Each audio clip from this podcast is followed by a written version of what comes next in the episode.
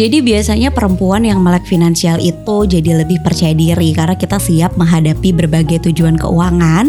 Jadi goals itu kan bukan jadi kaya ya, meskipun kita semua mungkin pingin jadi kaya.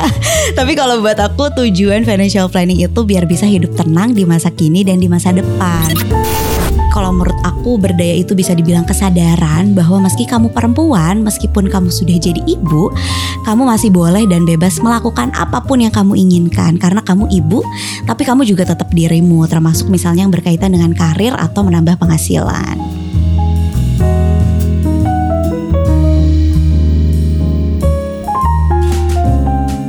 Hai semua, halo semua apa kabar? Selamat datang kembali di podcast Curhat Babu Curhatnya Bapak dan Ibu Semoga kalian semua juga dalam keadaan yang baik Amin, Amin. Eh Bab, Bab Sekarang kan udah bulan Desember nih ya mm -mm. Desember itu adalah bulan yang spesial buat kita Iya. Pertama ya. nih spesial karena anak kita ulang tahun. Yeay, ya. excited banget ya.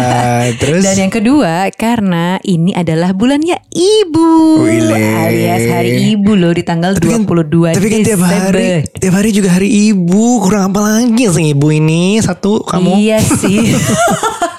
eh tapi boleh dong aku dikasih apresiasi dikit gitu loh. Surprisein bunga kek apa investasi lah kalau uh, sekarang. Baik, baik, baik, baik. Aku aku aku apresiasi banget peran ibu di dunia ini terutama kamu ya. Cie, gitu. Peran kamu di rumah ini menurut tuh bahkan menurutku ibu-ibu tuh punya kekuatan yang kadang nggak kepikiran sama kita bapak-bapak nih. Ibu tuh aku yakin bisa melakukan hal yang pakai banyak tenaga lah, pikiran lah, plus hati. Hatinya itu yang kadang-kadang si bapak-bapak nih lupa gitu loh. Kalau iya bapak-bapak malah baliknya aku ragu. eh asli ya, aku tuh juga ngelihat sosok perempuan tuh bisa kayak hebat hmm. gitu hmm, hmm. Uh, di tengah segala persoalan, di tengah badai gitu ya, masalah, terus hmm, hmm. kayak ada kekurangan gitu. Kadang-kadang terakhir tuh ya kekuatan adalah apa ya opsi terakhir mereka gitu loh. Iya, aku juga berlari ke kamu kan kadang-kadang kayak gitu kalau ada masalah. Ingat nggak ada pepatah apa di belakang laki-laki yang sukses ada perempuan yang ya ya yang hebat gitu deh. Iya deh, nih apresiasi nih. eh tapi sekarang udah agak beda tahu. Aku pernah denger tuh. Jadi apa? ada kayak apa namanya counternya gitu dari pepatah yang tadi kamu bilang. Jadi dibilang di belakang perempuan yang hebat katanya ada support system yang kuat. Artinya mm -hmm. perempuan tuh juga bisa maju dan bisa kuat gitu ya. Yeah. Kalau ada support sistemnya, ya suami lah, ya anak-anaknya, ya keluarga gitu kayak kita atau bahkan misalnya kayak ada mbaknya, ada drivernya mm. atau ada kayak mertua tuanya dan lain-lain gitu ya. Jadi mau laki mau perempuan bisa sama-sama sukses sih menurutku. Hmm, ya gak sih? Jadi di belakang laki ada perempuan, ada super system gitu ya. ya tapi sebelum Banyak bahas ya. ini lebih yang lanjut, aku tuh pengen undang narasumber kita biar obrolannya ya makin seru lah gitu. Beliau ini adalah seorang istri, ibu dan juga financial planner. Halo Mbak Anissa Steviani. Hai Mbak Anissa. Halo, apa kabar semuanya? Baik, alhamdulillah. Gimana kabarnya, Mbak? Aku juga baik. Baik. Jadi teman-teman semuanya yang denger ya, eh, di sini ada Mbak Anissa. Mbak Anissa tuh aku udah follow kayaknya beberapa waktu lalu gitu ya, karena kontennya sangat relate dengan ibu-ibu dan sangat relate juga dengan para perempuan semuanya hmm, tentang gimana caranya keuangan ya. Uh, uh, keuangan hmm. dan uh, mengempower perempuan Betul. gitu ya, dan sangat relate gitu. Yeah. Uh, dan aku tuh suka bacain IG story-nya Mbak Anissa bisa lu. wow, terima kasih. dan terima dan dan dan yang pasti itu karena cerita-cerita soal woman empowermentnya gitu kan dan apa ya kita tuh sebagai ibu-ibu gitu kan Mbak Anissa juga uh, ibu anak satu gitu ya. Aku ngerasa bahagia nih sebenarnya kalau diberikan ruang untuk bergerak gitu dan diberikan uang. ruang dan uang. uang. Baik. Gitu kayak ada kepuasan sendiri sih untuk mengaktualisasikan diri gitu ya untuk bisa networking, ketemu teman kenalan mm -hmm. baru, terus uh, apa ya punya uang sendiri juga gitu sih. Itu yang bikin aku happy gitu. Ya aku juga happy sih untuk support sistem kamu. Aku aku support sistem kamu kan termasuk kan? Termasuk. Termasuk, termasuk kan? kan aku iya. Ha, ha, ha. Bahkan sekarang kita kerja bareng kayak gini ya. Iya gak sih Mbak? aku juga relate banget nih kita record kayak gini aja ya. Aku meminta suamiku untuk keluar rumah dulu. Kebetulan lagi ada ponakan dua di rumah jadi dia membawa tiga anak keluar rumah. Nah. Tapi ya itulah bagian dari support system tuh kayak gitu ya. Karena ya aku juga mengalami apalagi kalau ngomongin woman empowerment ya kan dipengaruhi banget nih sama banyak faktor. Hmm. Salah satunya tetap nih pola asuh dan pola pikir society yang ya tahu sendiri lah ya perempuan di Indonesia dan sebetulnya di di kebanyakan negara di dunia sih, bukan di sini doang ya masih dianggap hmm. warga kelas 2 gitu. Benar. Bahkan kan uh, pembagian peran di rumah aja masih banyak yang ngikutin sesuai dikte society ya. Bener, Gimana bener, di rumah bener. kalian? Jadi masih banyak yang kayak karena orang demikian jadinya ngikutin aja demikian bukannya didiskusiin sama pasangan masing-masing. Jadi hmm, hmm. karena perempuan uh, dibilang di rumah aja jadi tanpa diskusi apa pun ya udah langsung deh disuruh di rumah aja. Jadi perempuan dianggap harus ngurus anak dan otomatis suaminya jadi nggak terlibat. Nggak gitu dong ya, ya kalau Mas Aryo ya. Nggak di kalau di sini dia bosnya. gitu di rumahku juga nih. ya kan makanya mau aja dia keluar membawa tiga anak. kita tuh jadi suka jadi tukang ngatur sih. Uh, mungkin tukang ngaturnya bukan jadi bukan berarti sesuatu yang konotasinya negatif ya. Uh, tukang ngatur dalam artian ya kita suka bagi-bagi tugas gitu. Aku ngerjain apa ya mungkin porsinya lebih besar gitu. Tapi aku juga mengatur uh, Pak suami tuh tugasnya apa. Karena kadang-kadang bapak-bapak itu suka clueless loh gitu. Jadi aku suka nggak tahu gitu loh mbak. iya jadi aku nggak tahu dia harus ngapain gitu. Tolong dong anaknya diiniin, tolong dong ini gitu. Jadi dia perlu ada aba-aba dulu gitu. Iya. iya tapi kan itu juga balik lagi ya kayak yang aku hmm. bilang tadi. Karena dari kecil memang nggak disiapkan untuk itu kan. Terus tau tau hmm. ya nih aku sebagai ayah harus terlibat ya otomatis butuh arahan gitu ya. Apalagi perempuan-perempuan yang uh, dianggap nggak bisa menghasilkan uang sendiri. Terus sering kali dianggap otomatis harus bisa atur uang keluarga. Jadi uh, banyak yang suaminya sering bilang cukup nggak cukup harus cukup pokoknya Padahal kan belum tentu ya. Benar. uh, perempuan iya yang nggak iya bisa atur uang itu biasanya dianggap boros. Padahal emang siapa tahu ya penghasilan suaminya memang kurang. Jadi kesannya ini kita perempuan ini, para ibu ini kesannya tuh bergantung hmm. banget sama suami kesannya suami itu yang gak butuh support istri. Padahal kan suatu saat roda mungkin berputar ya. Betul. padahal bisa loh suatu hari suami yang butuh disupport sama istrinya. Maka istrinya juga disiapin dari sekarang untuk berdaya dan melek finansial. Iya ih seru deh. Jadi ini ngebahas soal pemberdayaan perempuan gitu ya dan melek finansial ini sebenarnya sudah kita gaung-gaungkan ya. Walaupun aku bukan financial planner ya Mbak Nisa tapi aku seneng banget bikin konten-konten yang memang mengajak para ibu-ibu ayo dong kita belajar gitu. Uh, semua pasti emang gak bakal ngerti di awal. Aku pun juga gak ngerti gitu kan pilihan-pilihannya apa aja, gimana cara masukinnya, terus mulainya dari mana gitu. Nah banyak juga uh, kayak curhatan para ibu-ibu yang ngerasa selain itu juga ya, uh, gimana mau investasi Mbak Nucha gitu, uangnya aja nggak ada. Ya iya ya prinsipnya investasi kan ada uang, uang, uang gitu. Terus gimana cara ngelolanya? Nah itu dia tuh sebenarnya yang yang bikin jadi rame dan ya tadi terkait dengan yang Mbak Anissa juga sebutkan Dimang soal boros uh -uh, dibilangnya jadi boros padahal ya entah boros atau memang uangnya nggak cukup sebenarnya eh, ini apa nih bukan curhatan kamu kan? Oh, itu bukan, yang di parent talk kan ya? Bukan ya? Bukan kita kan ya? Kamu bukan, gak, bukan, bukan, enggak sih? Bukan bukan. Itu tuh yang di parent talk itu curhatannya banyak gitu loh. Terus ada juga yang kayak misalnya gini mbak Nisa uh, istrinya nggak boleh cari uang. Katanya harus uh, apa namanya? Di rumah ya? Di rumah ngurus anak ngurus rumah gitu kan. Jadi dia mau ngatur-ngatur uang juga sebenarnya suka nggak cukup tapi dicukup-cukupin gitu ya. Uh, terus tadi tuh dibilangnya dicap jadi boros nggak becus katanya ngurus uang gitu ya. Jadi tuh kayak tahu nggak kesannya ibu jadi bergantung secara finansial gitu. Tapi ya kadang-kadang mungkin para bapak-bapak ini ya santai aja gitu nggak mikirin posisi ibu tuh gimana sih gitu loh. Ya, uh, ya aku juga kamu juga sempat cerita ya kayak gitu ya sebenarnya bapak-bapaknya ya suka nggak gimana ya suka nggak nggak mau tahu gitu. Iya bener nggak sih mbak? Itu sering kejadian juga nggak cerita-cerita kayak gitu? Mm-hmm. sering kejadian. Bahkan yang belajar jadi ibu-ibunya doang. Habis itu si suaminya kayak ya udah terserah kamu aja kamunya nggak belajar gitu. Nah itu aku yang kadang-kadang kayaknya harusnya belajar bareng-bareng deh biar sepaham dulu seprinsip dulu tentang kelola keuangan keluarganya gitu kan belajar bareng-bareng. Iya iya iya iya Iya sih, uh, apa namanya belajar bareng-barengnya itu loh Mbak. Gimana kadang-kadang perempuan kan suka dianggapnya tadi tuh ngurusin rumah aja, terus ngurusin uang. Pokoknya antara pemasukan sama pengeluaran. Tapi uh, kayak masalah cukup atau nggak cukupnya, terus budgetingnya. Orang kan suka bingung ya. Uh, yang kalau misalnya secara teori kadang-kadang kita pos-pos ini kan secara apa Mbak ada pos pemasukan terus pengeluarannya buat apa nih dana darurat atau apa gitu nah kadang-kadang kecampur jadi satu lah pokoknya istilahnya tuh secara finansial eh, para ibu ini masih kurang melek gitu ya kalau aku lihat. Sehingga bingung kalaupun bisnis juga pada akhirnya bisnis suka maju mundur gitu loh Mbak. Nggak bener-bener yang serius, ambisius untuk kayak menjalankan uh, ini uh, berapa misalnya kita bisnis apa, pemasukan berapa, pengeluarannya berapa, tapi lebih ke uh, ya udah deh kalau misalnya nanti gue bisa, gue baru kerjain nih, kita baru jualan gitu. Jadi masih kayak mut-mutan maju dan mundur sampai akhirnya jadinya oh mandek atau misalnya sampai jadinya akhirnya nggak jalan lagi gitu. Terus belum apa-apa udah mengubah konsep bisnisnya gitu. Jadi mungkin secara apa ya, mungkin perempuan pengen maju tapi kadang-kadang terbentur dengan hal-hal yang seperti itu gitu loh selain tadi dikte society tadi ya Mbak ya. Kalau menurut Mbak Disa gimana? Jadi uh, sebenarnya kalau tadi masalah yang bisnis mundur-mundur gitu ya kalau aku yang denger dari sekitarku nih ya rata-rata tuh karena memang dituntut untuk udah mah di rumah ngurusin anak ngurusin rumah. Abis itu ya kamu bisa dong di rumah sambil gitu ya. Sambil bisnis sambil jalan online. Padahal kan itu kan berat banget ya sebenarnya.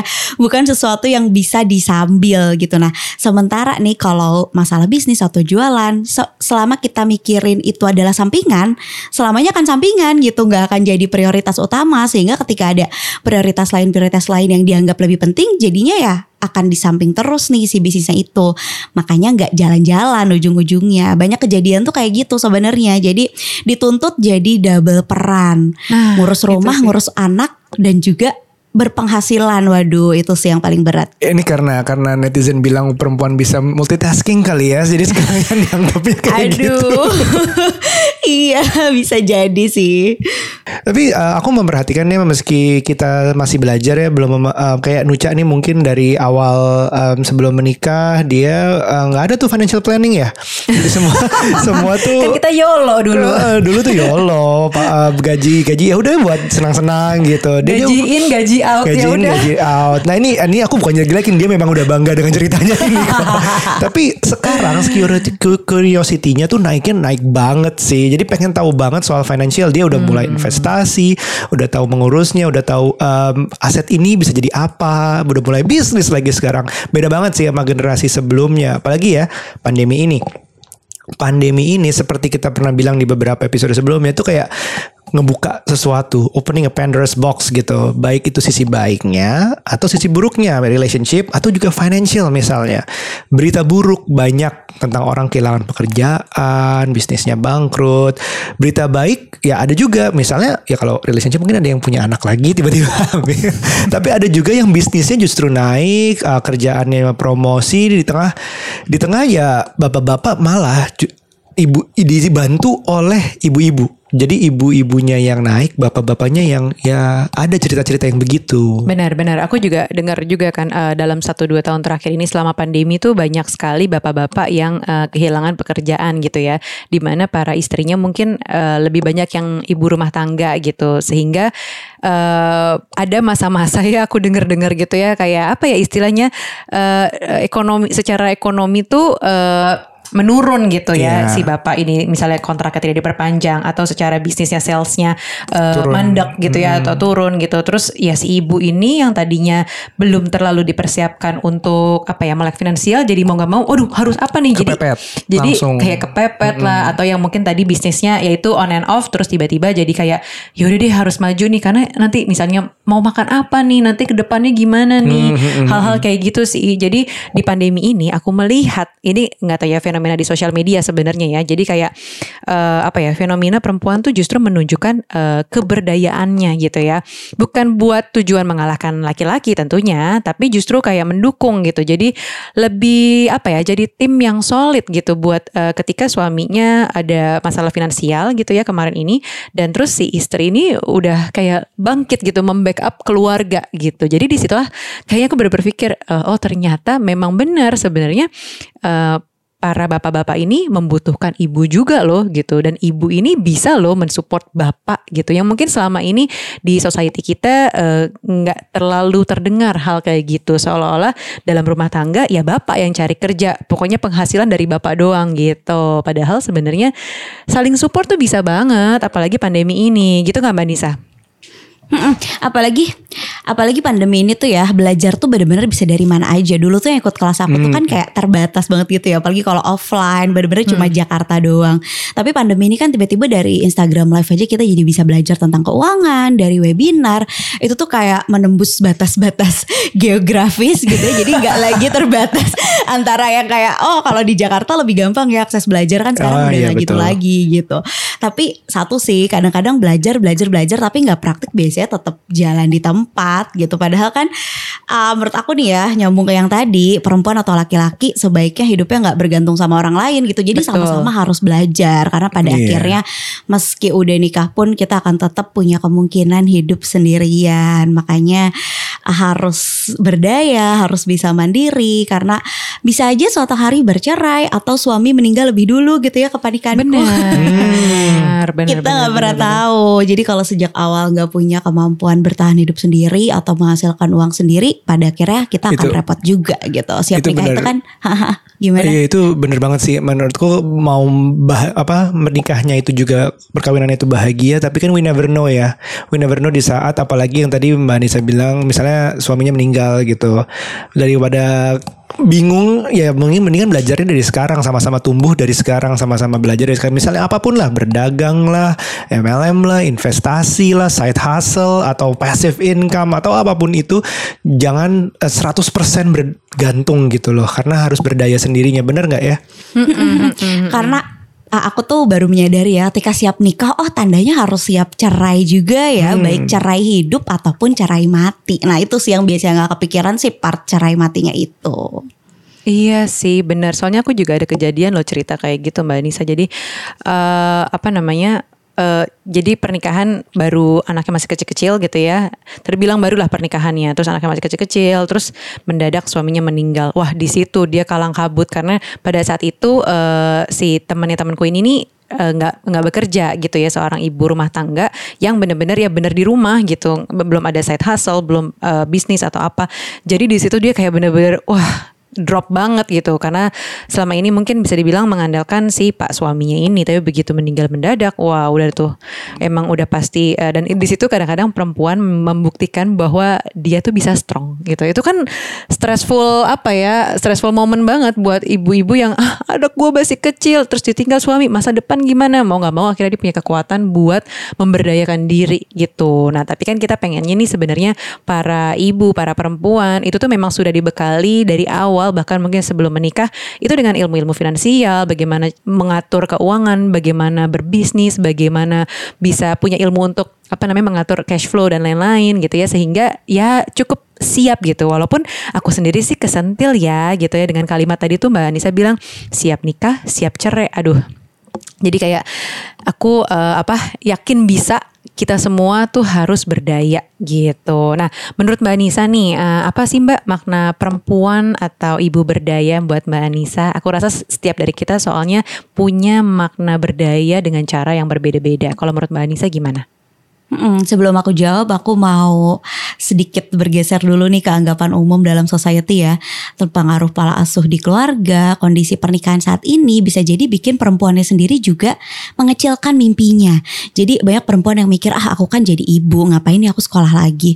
Ah aku udah jadi ibu, ngapain sih repot-repot belajar hal baru? Jadi kalau menurut aku berdaya itu bisa dibilang kesadaran bahwa meski kamu perempuan, meskipun kamu sudah jadi ibu, kamu masih boleh dan bebas melakukan apa pun yang kamu inginkan karena kamu ibu, tapi kamu juga tetap dirimu termasuk misalnya yang berkaitan dengan karir atau menambah penghasilan. Iya ya, benar juga ya kata-kata kamu adalah ibu ya, kita adalah ibu, tapi kita juga tetap diri kita gitu. Jangan sampai dilupakan bahwa kita tuh kesatuan sendiri gitu loh pribadi yang eh, memang butuh eh, mamimun gitu ya. Mami Moon ya, Balik ya, lagi ya. ke mamimun, tapi maksudnya kita tuh punya cita-cita, punya mimpi, punya eh, kalau aku kebetulan agak ambisius, jadi aku punya ambisi yang sebenarnya memang bukan aku tiadakan sama sekali, tapi kamu aku ambisius ah enggak ah masa masa sih? sih enggak ah kayaknya Kalau di sini jangan bilang-bilang sosok enggak aja. gitu tapi eh, apa namanya jadi memang kita harus menghargai apa mimpi kita, cita-cita kita gitu ya. Entah kapan direalisasikannya tapi yang penting semangatnya ada dulu gitu. Ketika memang mungkin ada fase-fase di kehidupan kita yang perlu pause gitu ya. Berhenti sejenak kayak misalnya hamil, punya anak. Itu kan proses yang gak gampang nih. Dari anak satu, terus anaknya dua gitu kan. Konsentrasi, distraksi dan lain-lain tuh kayak ya memang agak bubar sih teruji banget gitu. Tapi suatu saat yakin aja kalau kita tuh juga bisa gitu ya yeah, para ibu-ibu. Yeah, yeah, setuju sih. Aku aku memang bebas si Nucha milih-milih hal strategis dalam keluarga atau personal dia karena dia juga mulai dari awalnya uh, kerja korporat terus sampai ngajar juga sampai sekarang akhirnya bikin bisnisnya sendiri gitu boleh dibilang. Nah tapi juga uh, itu dengan bukan liar ya berarti bukan kayak ke mana-mana ya menurutku masih ada batasan dan tanggung jawab tanggung jawabnya masih bagus untuk keluarga ini untuk anak untuk kita berdua masing-masing begitu layaknya sepertinya aku jadi kayak equality juga gitu. Iya sih. Benar, kita sekarang kan menurutku jadi karena equality itu ya alhamdulillah sih so far jadi tim yang solid, saling butuh tapi tetap support Nucha gitu. Bahkan mungkin Nucha aja yang dapat duit gimana? jadi kepala rumah tangga Apa maksudnya. Rumah aja gimana? Iya iya. Kalau aku nih Mbak Nisa punya sedikit uh, hampir sama sih sebenarnya makna berdaya gitu ya menurutku bahwa uh, kita tuh perlu perempuan untuk bisa uh, memilih gitu ya. Perasaan untuk bisa milih tuh nggak gampang loh karena kadang-kadang ada yang hak memilihnya tuh didominasi oleh si pak suaminya gitu ya atau kayak hak memilihnya tuh di apa ya dibungkam lah seolah-olah nggak boleh gitu. Nah tapi ini dengan uh, pemberdayaan ini menurutku adalah ketika kita tuh bisa memilih memilih apa pun yang kita inginkan dan uh, ketika kita yakin bisa menentukan arah ngambil keputusan dari berbagai aspek ya kayak misalnya hal-hal yang domestik aja di rumah soal anak makan apa, anak mau sekolahin di mana, uh, misalnya menentukan kayak liburan, terus menentukan tujuan finansial sampai akhirnya misalnya eh, hal-hal yang besar sifatnya misalnya kayak di bisnisnya lah gitu kan, atau menentukan hal-hal yang lebih besar lagi, hak memilih itu sih yang sebenarnya uh, penting gitu untuk perempuan uh, punya apa ya, punya keberanian, punya keyakinan akan apa-apa yang dia yakini gitu ya. Kayak misalnya aku dulu memutuskan untuk berhenti kerja dulu, terus punya anak pertama, terus habis itu menuju anak kedua memutuskan untuk oke okay deh uh, mulai bisa nih bekerja lagi gitu ya, bikin parent talk, terus ya nggak hanya dibebaskan uh, apa namanya yang penting dibebaskan tapi ada ada batasannya gitu ya. Batasan uh, sampai di mana sih aku bisa sebebasnya gitu kan tentunya. Kayak misalnya balik lagi oh yang penting di rumah anak-anak aman nih terus kayak misalnya aktivitas Aryo atau apa yang Aryo butuhkan juga uh, bisa aku support misalnya gitu ya. Bahkan ya sekarang kita kerja bareng gitu kan. Jadi memang suami dan istri gitu ya aku rasa uh, perlu menjadi tim yang solid gitu. Saling butuh saling support gitu kan. Jadi bala-bala hmm, kadang-kadang. Kadang-kadang menjadi kepala dari kayak misalnya ular gitu kan ada kepalanya gitu ya. Itu pak suami misalnya tapi ada istrinya juga yang ikut menggerakkan. Mungkin kayak gitu ya. Gimana mbak Nisa? Dan ini tuh hal-hal yang biasanya tuh nggak disadari kalau perlu didiskusikan dari sebelum nikah ya gak sih? Iya. Kalau aku sih dari sebelum nikah udah banget nih diskusi tentang ini bahwa aku mau selalu punya kebebasan atas apa yang aku inginkan gitu. Dan sebenarnya ketika masing-masing udah sadar hak dan kewajiban masing-masing ya kayak tadi Manusia bilang selama anak-anak terurus terus juga masih hmm. bisa support Mas Aryo gitu sebagai istri, sebagai ibu, sebagai suami, sebagai ayah kebebasan ini harusnya nggak akan pernah jadi masalah sih. Mm-mm, gitu. Mm-mm. Ya, berarti kalau ibu mau berdaya diawali dengan diskusi dengan pasangan ya. Bahkan mm. kalau bisa dilakukan sebelum nikah.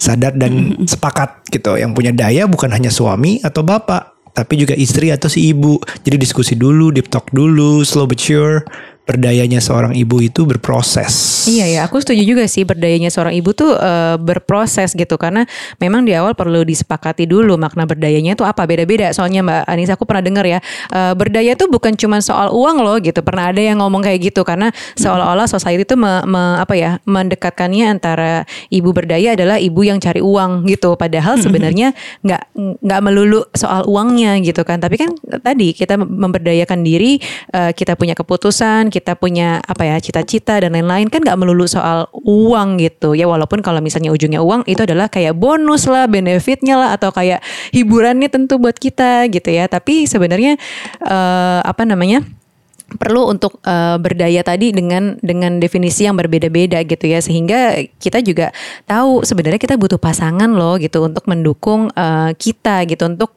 untuk apa ya memberikan kita ruang untuk berdaya gitu. Jadi yang aku dengar kan memang uh, apa bab kayak misalnya cerita yang kondisi suaminya kena layoff gitu ya atau suaminya sakit gitu atau misalnya suaminya meninggal di usia muda kayak tadi tuh gitu masih ada anak kecil. Jadi kayaknya memang di situlah uh, kenapa kita perlu buat melek finansial nih ya. Maksudnya kita tuh adalah ibu-ibu atau para perempuan gitu. Atau misalnya ada juga yang dalam kondisi perceraian gitu ya. Hal-hal yang kadang sulit dihindarin tapi konsekuensi konsekuensinya harus kita pikirkan gitu dari sekarang gitu kan tentang sisi mentalnya, sisi finansialnya juga gitu ya. Jadi jelas tuh kalau sosok ibu tuh dibutuhkan bagi bapak nih ya kan Pak Aryo dan juga bagi anak-anak bukan cuman kayak urusan dapur, urusan uh, apa kasur rumah gitu tapi ya udah semuanya tuh perlu melibatkan atau apa ya uh, perlu memikirkan juga pendapat dari si ibu ini iya, gitu.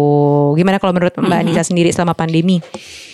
Iya ini aku ngalamin sendiri sih. Pandemi hmm. ini ya udah mau dua tahun suamiku tuh burn out. Jadi dia tuh tipe yang ekstrovert banget yang berteman yang kayak social butterfly selalu punya kegiatan sama teman-temannya. Terus tiba-tiba pandemi cuma di rumah aja kerja aja tuh dia parah banget sih burnoutnya. Jadi dia didiagnosa gangguan kecemasan. Jadi satu tahun bolak-balik ke psikiater minum obat. Jadi nggak pernah bisa tidur tuh kalau nggak minum obat. Oh. sampai akhirnya dua bulan lalu memutuskan udah deh aku yang memutuskan ya.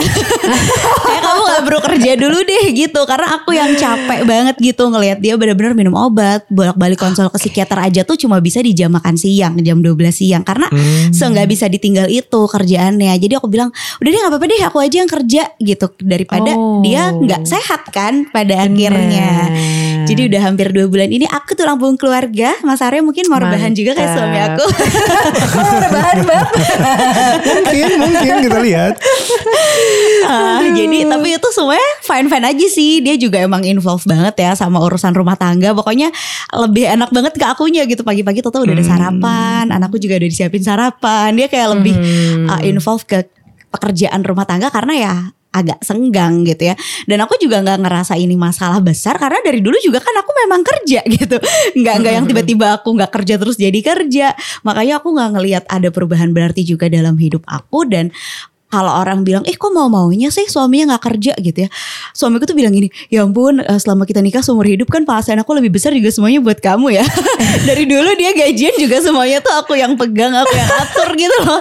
Jadi kayak orang tuh nggak mikirin ke sana kali ya. Jadi kalau sekarang misalnya dia harus mundur dulu biar sehat dulu. By the way setelah resign obat psikiaternya stop dan bisa tidur loh. Wow. se, se, seheboh itu.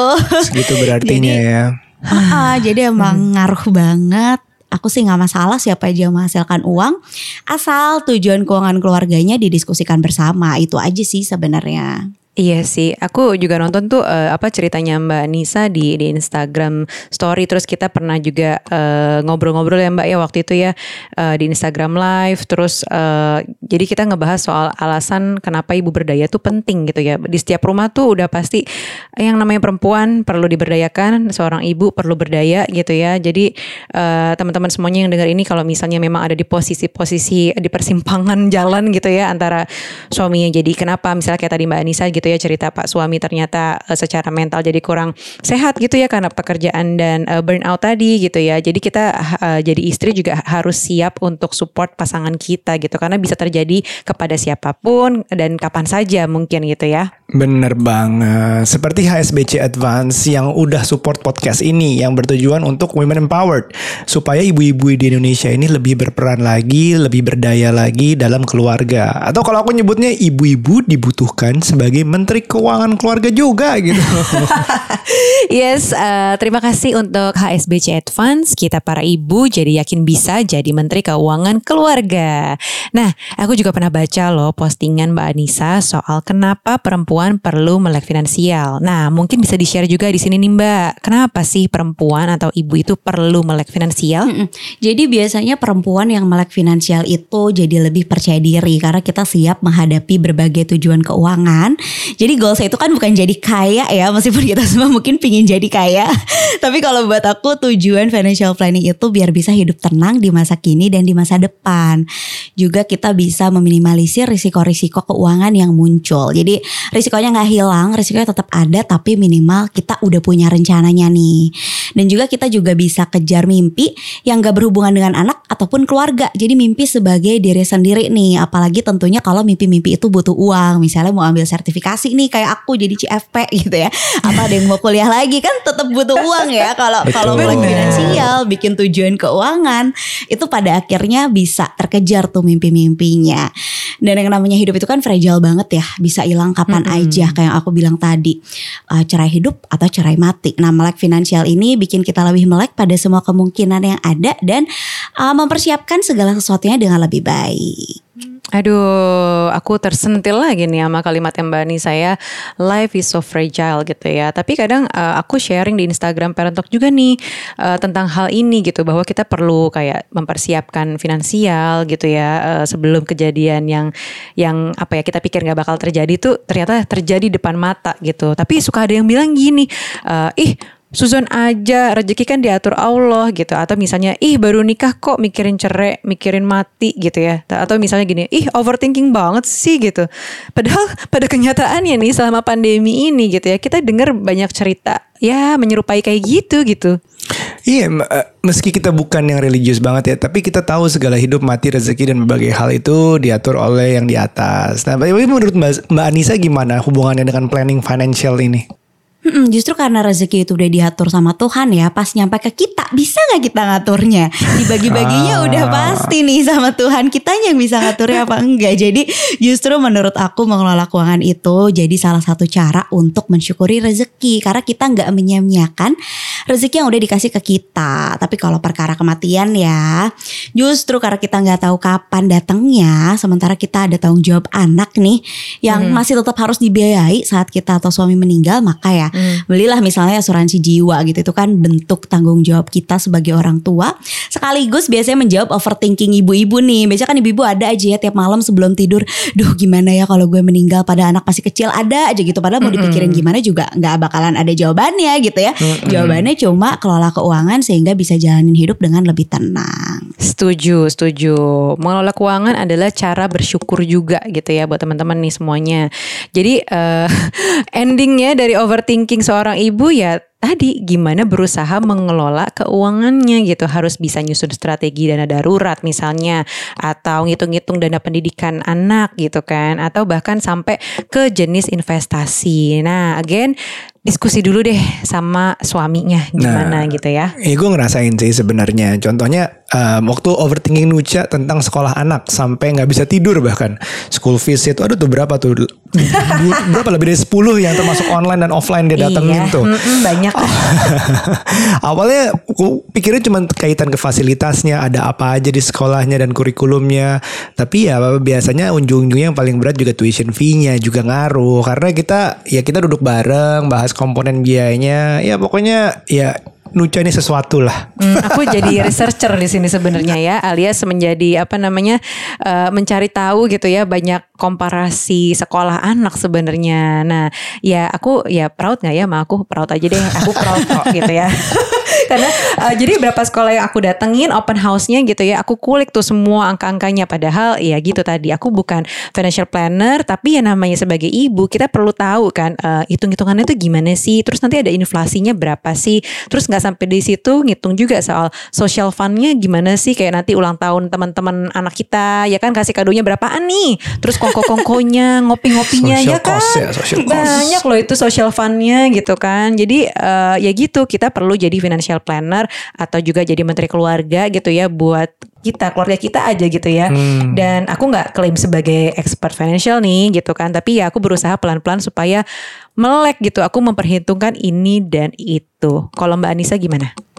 Iya, jadi kamu tidak sendirian, Nucha, karena aku juga udah mulai investasi dana masuk SD dan kuliah anak aku itu sejak hamil. Karena wow. aku menyadari pas hamil kayak hah aku nggak punya uang ya dan anak ini kalau di sekolahin aku yang bayar ya itu tuh kayak baru menyadari itu gitu dan aku tuh ikut open house dan survei-survei SD-nya dari anakku umur 3 tahun. Wow. Jangan sedih nggak cuma di Jakarta tapi di Bandung juga. Aku banyak kayak, ya ternyata. Ah, dulu tuh aku tuh masih ada idealisme ya aku nggak kebayang deh anakku sekolah di Jakarta mana jauh-jauh macet kayaknya akan lebih kids friendly di Bandung gitu SD itu. Jadi aku sempet cari-cari sekolah di Bandung juga tuh. Cuman wow. pada akhirnya ternyata lebih mahal loh daripada di Jakarta. Oh iya, baru tahu. Iya, karena jadi apa ya? Pilihannya tuh sedikit sehingga otomatis mereka tuh berani gitu ngasih harga oh. yang sama kayak oh. Jakarta dengan fasilitas yang ya lebih bagus di Jakarta gitu. Oh gitu. Nah, uh -uh, tapi pada akhirnya karena investasinya lama ya dari hamil, kita juga bisa maksimal mempersiapkan sekolah anaknya. Kita tahu persis berapa uang yang dibutuhkan. Dan yang paling penting nih, kita bisa pilih sekolah yang sesuai dengan value keluarga. Karena kan ketika uangnya cukup, pilihannya juga jadi lebih banyak. Banyak banyak benar uh, benar, benar. tapi ya again sih kalau kita bicara financial planning ya jangan tiba-tiba ke dana pendidikan dulu. Ada step-step lain yang tentunya harus kita penuhi benar. dulu. Iya tapi ini sesuatu loh dana pendidikan dari hamil. Wow kalah start tubuh kamu. Iya iya iya iya kita kecil banget loh ngumpulinnya kalau dari hamil. Iya sih dan benar juga kalimat kayak uangnya belum cukup gitu ya. Kadang tuh jadi horor kalau misalnya udah deket-deket deadline gitu kan dipikir ah nanti masih lama nanti masih lama lah. Nggak taunya begitu udah deket deket ujung mata nih eh uangnya nggak cukup belum cukup gitu kan. Bingung gak sih?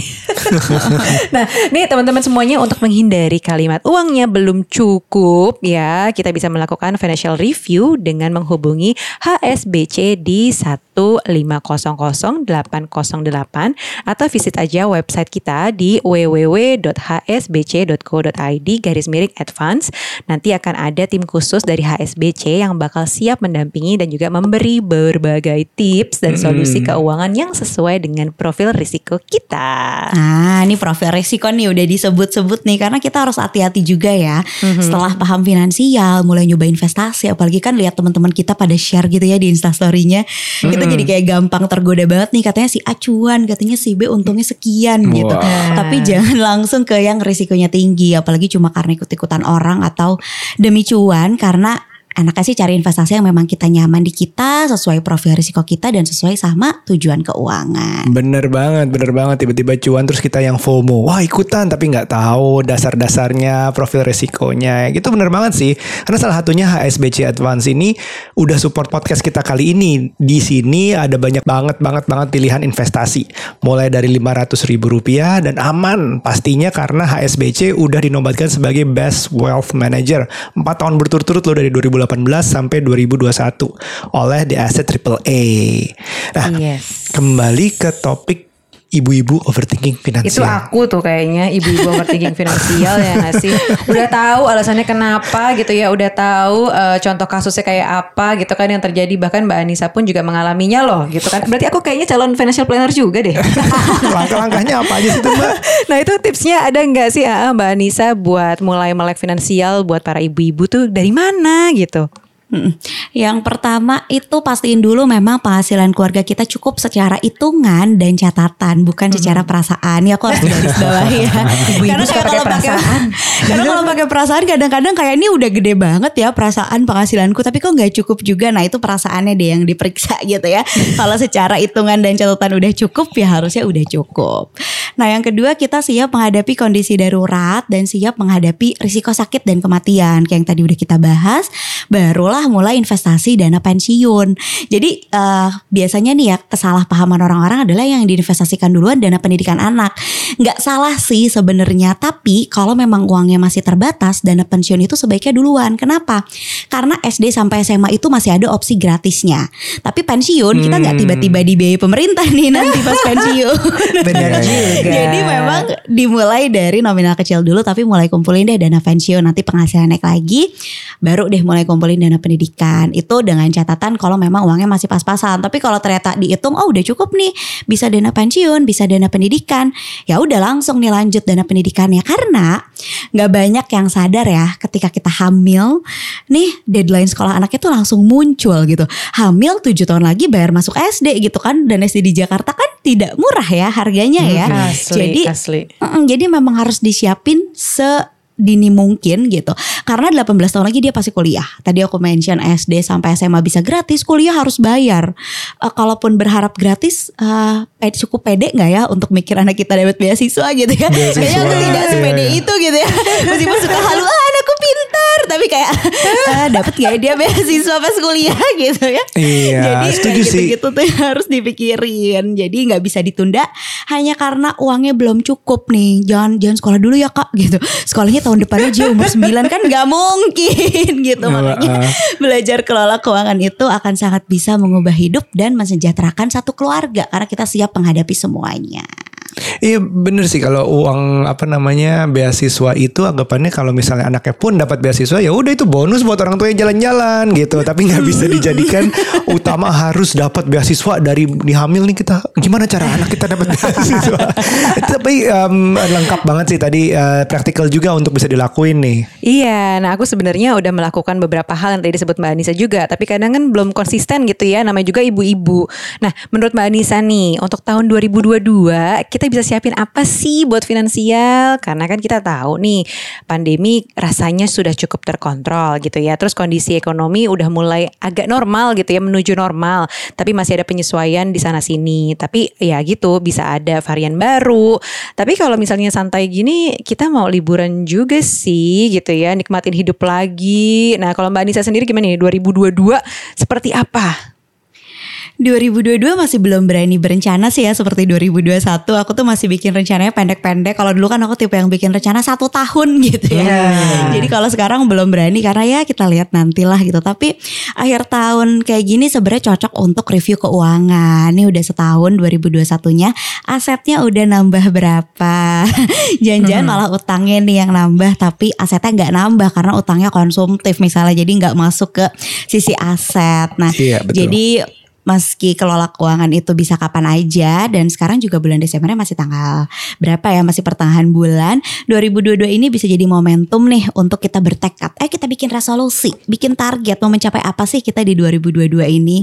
Nah kalau aku nih selalu ya bikin wallpaper handphone tujuan keuangan. Wow. Hal-hal yang pengen dilakukan hmm. termasuk hal-hal yang pengen dibeli tahun depan. Wow. waduh waduh okay. boleh ditiru boleh ditiru iya wallpapernya dipakai pakai sepanjang tahun barengan sama suami. Jadi keingetan terus nih mau apa gitu. Nah, aku tuh udah bikin ini tuh dari 2012. Sebenarnya dari 2009 sih tapi masih on off gitu, masih kuliah udah kayak bikin tahun depan mau ngapain gitu ya. Nah, wow. tapi rutinnya banget tuh 2012 dan percaya gak sih selalu tercapai. Wow, Kayak, berkat handphone ya berarti handphone merek apa sih? Siapa tahu karena Kok keren sih? Aku jadi iya. pengen men Oh, aku tuh jadi pengen ganti juga wallpaper aku gambar apa ya nih nih sekarang ya. Oke, oke. Coba aku yeah, coba ya. 2022 jadi, ya. rumah tuh kayaknya bentar lagi. nah, itu. Jadi kayak kadang-kadang kan kita bikinnya juga nggak realistis gitu atau ketinggian. Nah, kalau aku tuh selalu kira-kira yang bisa dicapai. Tapi kalau nggak ditulis, jadinya kayak dientar-entar atau Bener malah sih. kayak nggak nggak jadi fokus ngerjain itu gitu. Makanya aku cuma punya beberapa item tapi kayak aku mau ngerjain ini deh sepanjang tahun depan. Iya. Gitu. Kayak anak kecil masang poster di kamar waktu kecil ya. bener, ya. Bener. Jadi kayak untuk mengingatkan. Tadi tuh Mbak Nisa sebut loh soal kayak asetnya bertambah apa enggak sih? Aku tuh uh, sepatu sama tas bertambah. Mbak itu aset bukan ya? Tergantung kan bisa dijual lagi jadi lebih mahal siapa tahu. Iya. Bukan bukan bukan dijual lagi, dijual lagi lebih mahal ada yang beli apa enggak. Nah, kalau iya, belum ada yang beli sama aja ya. Betul betul.